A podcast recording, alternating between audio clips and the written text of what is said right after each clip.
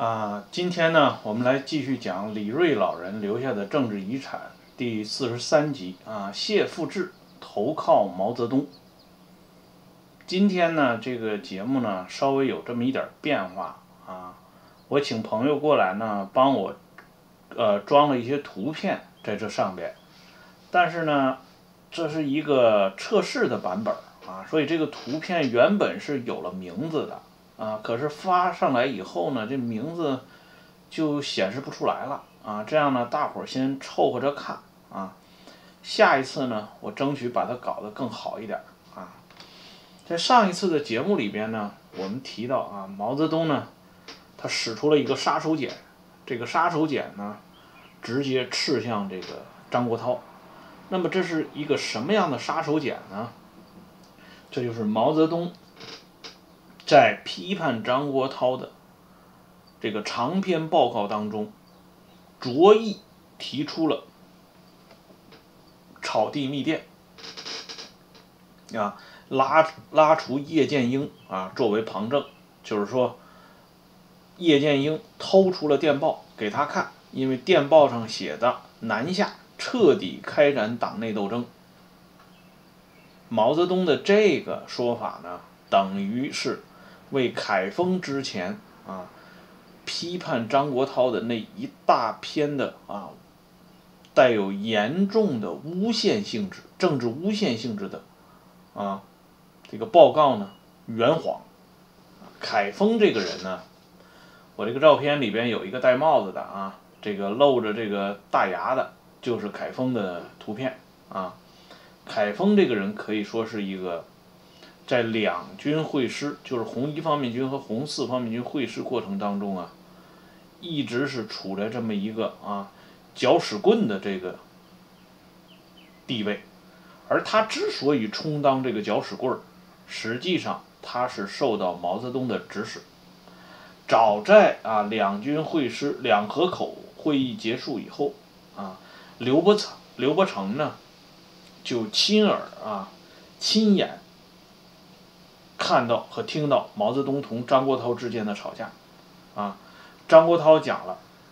我跑来啊，我跑这儿来是听你指挥啊，听你毛泽东指挥啊，啊，这是刘伯承亲眼亲耳啊看到和听到的，所以当时毛和张之间的关系已经是开始紧张了，然而就在这个时候呢，黄超啊。给张国焘拿了一个东西，这个东西呢，啊，就是当时担任啊中央宣传部部长的凯丰写的一篇文章，叫《藩民工作中的几个问题》。这是黄超通过关系从一方面军干部手中偷来的啊。这张国焘看完以后呢，勃然大怒，因为这一篇长篇报告呢。等于说彻底的否定了啊张国焘的一个政治上的啊梦想，就是组建西北联邦政府的这个梦想。而这个凯丰的这个文章呢，尽管是师出有名啊，因为中央不认可张国焘搞这个西北联邦，你毕竟没有通过啊向中央报告备案啊，经过中央决议，你自己就抛出一个西北联邦政府。这在当时中央这些人看来，这是不合规也不合法的啊。但是呢，凯丰虽然是照着这个思路来讲，但是凯丰的行文里边啊，颇多讽刺啊，这就让张国焘啊怒不可遏。由此呢，他把这个凯丰这个人呢打入另另册啊，因为之前张国焘跟凯丰虽然认识啊，但是没有具体打过交道。而后来发生的一系列的事情啊，每当啊张国焘同中央之间的这个政治冲突升级的时候，凯丰这个人的啊身影呢，都会毫不犹豫的出现在期间。而特别以这个批判张国焘之后啊，凯丰的这个长篇报告长达十几个章节啊，系统的批判和诬陷张国焘。而毛泽东呢，这一次替凯丰圆谎，实际上就是把这个表面上的这个遮羞布已经撕掉了啊。他作为凯丰真正的后台老板，把自己的这个原本的这个政治本相露了出来。在批判张国焘之后呢，啊，毛泽东给张国焘定性以后，中共中央呢政治局也通过了对张国焘错误的这个决议，啊，对张国焘进行了全方位的批判。而且呢，把张国焘的错误上升到路线的错误，啊，里边呢对张国焘所进行的啊以往的一些活动呢进行全方位的否决，啊，称张国焘犯了许多重大的政治原则的错误，啊，把军权看作高于党权，就是否定了党指挥枪的这个基本原则，而且呢。最后定义张国焘路线是农民的喜爱性、流氓无产阶级的破坏性及中国封建军阀意识形态在无产阶级政党内的反应。同时，啊，这个这次的决议呢，也流露出另一层的啊杀机，就是中共中央对于四方面军的干部在中央直接领导下工作。获得的极大进步与对张国焘路线的正确认识，表示极大欣慰。这句话呢，说的是冠冕堂皇，实际上它表露出另一层含义，就是说，对于张国焘在红四方面军的遗产，啊，遗泽要进行政治上的总清算。在中央的决议之后呢？张国焘啊，不得不自己也对自己啊做了沉痛的批判啊，给自己扣了若干顶帽子。这个时候呢，四方面军的一些干部，特别是一些高级干部啊，显得非常的啊灰溜溜啊。他们找到张国焘以后呢，啊，诉说这些啊这一段时间以来的苦闷彷徨。以及他们在啊会上会下受到的这些啊批评、谩骂和羞辱，这个时候张国焘就只好安抚这些人，说以前呢啊这个情况在草地的时候，我们还可以跟毛泽东这些人啊讨论讨论啊计较计较，但是现在这个情况呢，已经发生了根本的变化啊，毛泽东这些人已经首先。接上了与共产国际的关系。现在呢，西安事变啊，又渴望与这个国民党和解，这些成就改变了反对毛泽东的意向。何况西路军又遭受到如此惨痛的失败，所以呢，张国焘希望一般同志专心学习，检讨过去工作的错误，再不可有反中央的表示。从张国焘的这个表态来看啊，这个时候的张国焘实际上已经是认罪服输了啊，服软了。同时呢，他希望啊，这四方面军的这些人不要因为受到他的牵连而受到啊遭到进一步的这个严肃严厉的处理啊。这是张国焘为保全羽翼能够做的这么一点点小小的努力。可是呢？树欲静而风不止，啊，张国焘尽管已经啊认罪服软，但是毛泽东等人呢，仍旧没有放过他。这里呢，我们举两个例子啊，一个呢是这个毛泽东当时呢，他呢曾经啊得过这个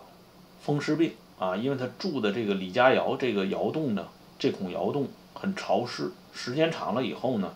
他的这个胳膊就抬不起来了啊。而毛泽东那个时候呢，他是需要大量的这个伏案写作呀，这胳膊抬不起来，给他的这个工作带来很大不利的影响。所以毛泽东当时呢，让人把这个江其贤，就是卫生部呃这个负责人江其贤找来啊，给他看看病，给他医治。但是江其贤这些人呢，也是束手无策。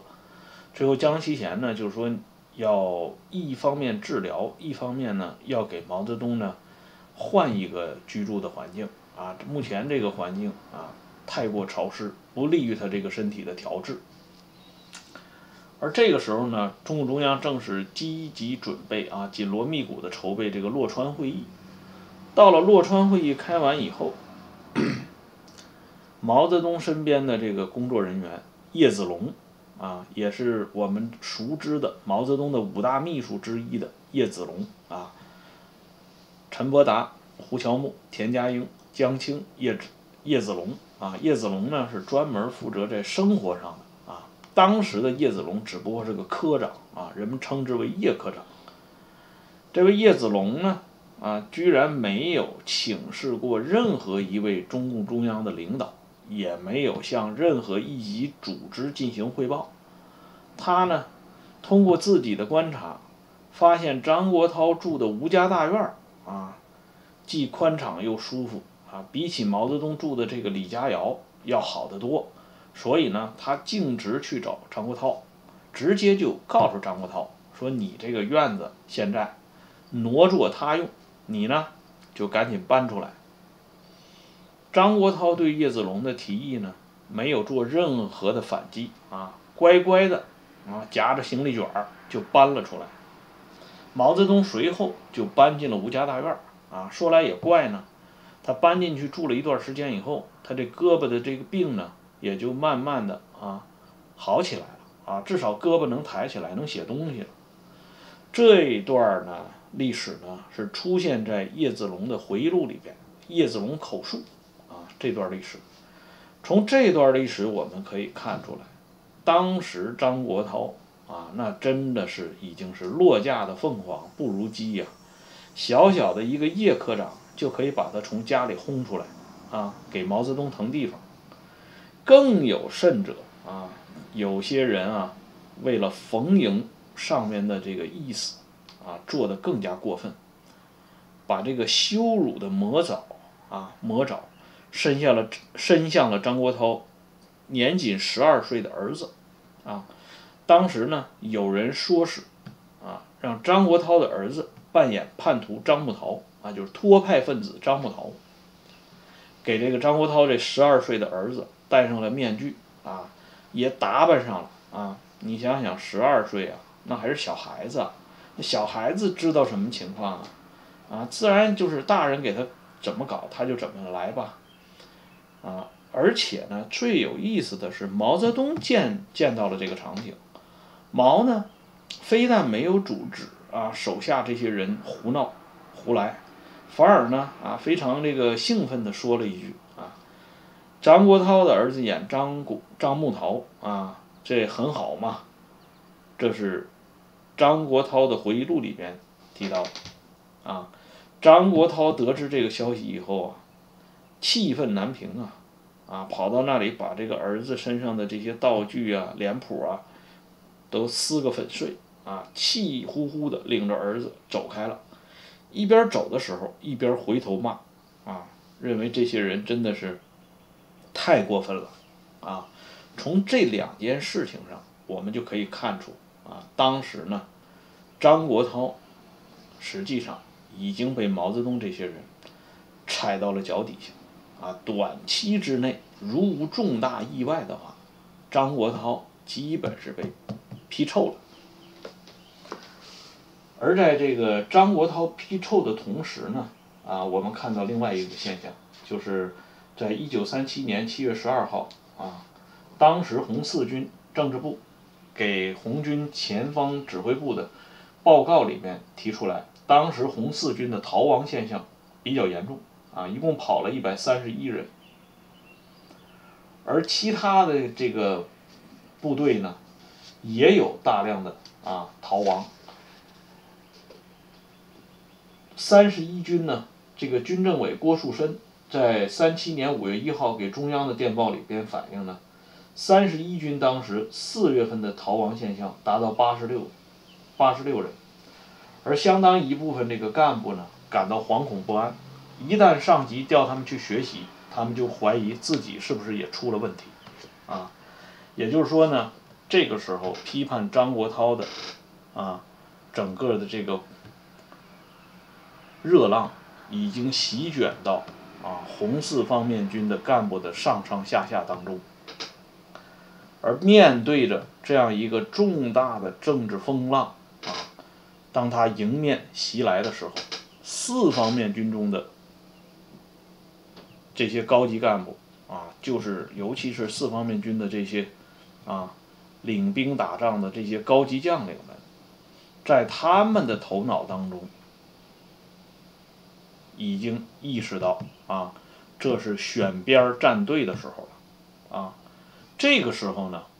在干部队伍当中，四方面军的干部队伍当中呢，就出现了两极分化。一方面呢，啊，就像这个我们现在演示的这张照片，倪志亮啊，这位一九五五年被授予军衔中将军衔的倪志亮啊，这个人呢，他呢是北京市人啊，地地道道的北京人。要知道啊，那个时候北京人啊，曾经的天子脚下的啊，这老百姓，尽管生活很苦，但敢于出来啊，当兵，当兵不说，还造反啊，跟着共产党跑的，真的是不多见。这倪志亮算是他们当中的一个。倪志亮本人啊，在黄埔军校学习过，受过正规的军事教育。这个人比较有性格啊，之前我们在节目里边也提到过他。他呢，啊，非常气愤啊，传达这个啊，他在红军大学里是二队啊，他听到这个传达说这个当时啊，对这个红四方面军的羞辱啊，说这个反对张国焘的军阀主义啊，而当时的情况呢，是提到三点。啊，这个哪三点呢？就是红四方面军，第一啊，红四方面军是土匪，啊，第二，红四方面军干部是军阀，啊，第三呢，红四方面军干部是张国焘收买的。这三条意见，你想想，倪志亮这个暴脾气啊，他能受得了吗？有一次他就忍不住了，啊，他就发了牢骚了。啊，他牢骚说的很，很直白啊。他说还军阀，什么军阀呀？啊，剩几杆枪了？还有什么军阀主义呀？啊，这是倪志亮当时啊发的牢骚。而这个牢骚发了以后呢，就被当时担任二队的支部书记的谢富治啊给抓住了。谢富治这个人。啊，我们都知道，他后来呢，在文革当中，成为毛的宠儿啊。可是，有相当一部分朋友们不知道啊，谢富治结缘于毛泽东，或者说他投靠毛泽东，是始于一九三七年啊。而之前呢，谢富治是张国焘帐下的红人。这里我给大家看一个电报啊，就是一九三五年。七月九号，这一天，川陕省委建议加强总司令部与军委增设常委，至中央电。啊，这个电文的全部内容我就不给大家重复的念了啊。大致的意思就是，当时川陕省委认为啊，应该加强总司令部红军总司令部的这个人员配置，建议徐向前。任副总司令，陈昌浩任总政委，周恩来任参谋长。啊，军委设主席一人，仍由朱德同志兼任，下设常委。而且呢，这话说的啊非常厉害。他说，请中央政治局速决速行，并悉立复。啊，就马上答复我们。他这个署名，中共川陕省委的署名是很有讲究的，排名第一的。周纯全，啊，第二刘瑞龙，啊，第三黄超，第四张琴秋，第五李维海，第六谢富治，第七吴永康。这里呢，咱们周纯全就不用说了，他当时是中共川陕省委书记，啊，刘瑞龙是川陕省委宣传部部长，啊，黄超呢是川陕苏维埃政府秘书长。吴永康是川陕省委秘书长，李维海呢是川陕省委啊这个保卫局局长，而谢富治呢是当时中共川陕省委组织部部长。我们都知道这组织部部长是管人的啊，可见那个时候谢富治在张国焘的这个帐下呢是个红人之一呀啊。可是这个人呢见风使舵啊，眼睛非常管用，一看风向变了，张国焘垮了，所以呢。谢富治到处去嚷嚷张国焘啊，如何如何的坏啊，如何如何的不好。这段话是谁回忆的呢？是邱会作晚年回忆的，啊，而这个倪之亮呢，他就不同意谢富治的这个观点，所以这两个人有点拧巴啊。这倪之亮这个人啊，他还有点这个主意啊，有点什么主意呢？他当时呢是这样啊。啊，他被这个骂成这个军阀主义呢，啊，他呢就找了个机会，啊，就是耍一下大家，啊，你们不骂我军阀主义吗？啊，这个挑了一个最冷的天儿，啊，三七年啊，这个上半年最冷的一天，倪志亮呢自己事先啊穿的很厚，啊，衣服穿的很厚，然后紧急集合，把他所在的这个队呢都。叫到操场上训话，足足训了两个小时。因为他穿的厚不怕呀，而其他那些学员呢，因为没有准备啊，临时给叫到操场上，又冷啊又饿呀，两个小时啊，被这倪志亮啊啊折磨得够呛。最后这些人气得不得了啊，向罗瑞卿汇报，把这倪志亮的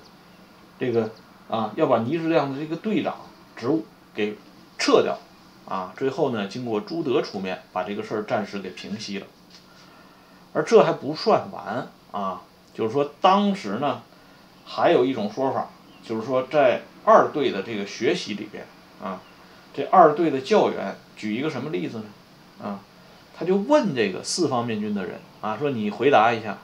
是毛主席好还是张主席好？这四方面军的人当然就说张主席好啊，这就不得了了啊。这就开始进一步的批判了，啊，那个时候就是说对四方面军的整治已经到了一种空前的程度，啊，而我们呢，啊，就是这个董汉和啊曾经写过一本《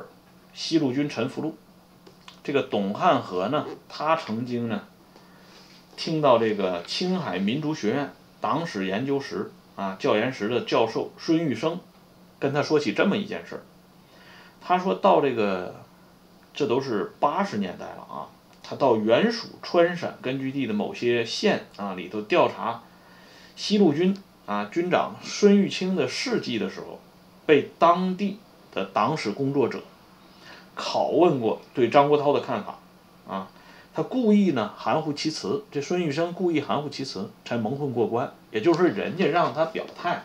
就你认为。张国焘怎么样？啊，这孙玉生呢，就也不说好，也不说坏，就糊里糊涂的就给搪塞过去了。但是由此可知呢，张国焘啊，他们在川陕根据地的时候留下的名声，绝不像政治决议案当中所描述的那么黑暗，那么一无是处啊，那么全盘的否定。所以这个宏大的教员们啊。叫起来这些红四方面军的人，简简单单的就说你认为是毛好还是张好，这种做法本身就已经不是啊，用一个客观、实际、公平的这个啊标尺来衡量政治上的得失，这根本上就是整人啊！所以呢，这四方面军的这个将领里。群情汹汹啊，啊，这红四军的副军长刘世模啊，甚至呢啊，在气愤之下，气愤难忍啊，开枪自杀啊。可可是呢，这枪呢还挺幸运啊，这枪没打中这刘世模，但是给刘世模留下了终身的残疾。这个刘世模很可惜啊，这个人啊，打仗很勇敢啊。这个战功赫赫，可是因为这个事儿以后呢，嗯，他就废了啊。后来呢，就回到了民间，死在了一九五二年啊，死的也很早。他死前呢，他的战友王洪坤啊，这王洪坤在文革当中整人非常凶啊啊，这王洪坤去看他，这刘世模家徒四壁呀，孩子都穿不上裤子。后来这王洪坤让李先念啊写信给李先念，让李先念拿点钱出来啊，帮助这刘世模渡过难关。现在呢，我们看这红四方面军的这些将领啊，这个时候真的是啊走了麦城了，真的到了这个啊。非常惨的这个境地了，可是谁能想到啊？几十年后斗转星移啊，峰回路转，他们的政治运气来了，他们放手去整这个啊红一方面军、红一军团的这些人，同样也是不择手段啊，一个赛一个的心黑手狠。当然，这两股力量背后的指使者只有一个人。啊，就是咱们今天讲的谢富治投靠的对象毛泽东。谢富治投靠毛泽东，你光是到处嚷嚷张国焘的啊这些不是啊，张国焘的这些所谓的错误，这还不够啊，你要有一个大的见面礼。这个见面礼，也就是咱们所说的投名状，它是什么呢？要不怎么说这机会哈是永远留给这有准备的人。在一九三七年四月上旬，啊，红军大学内部发生了著名的啊许世友脱枪造反的这件事啊，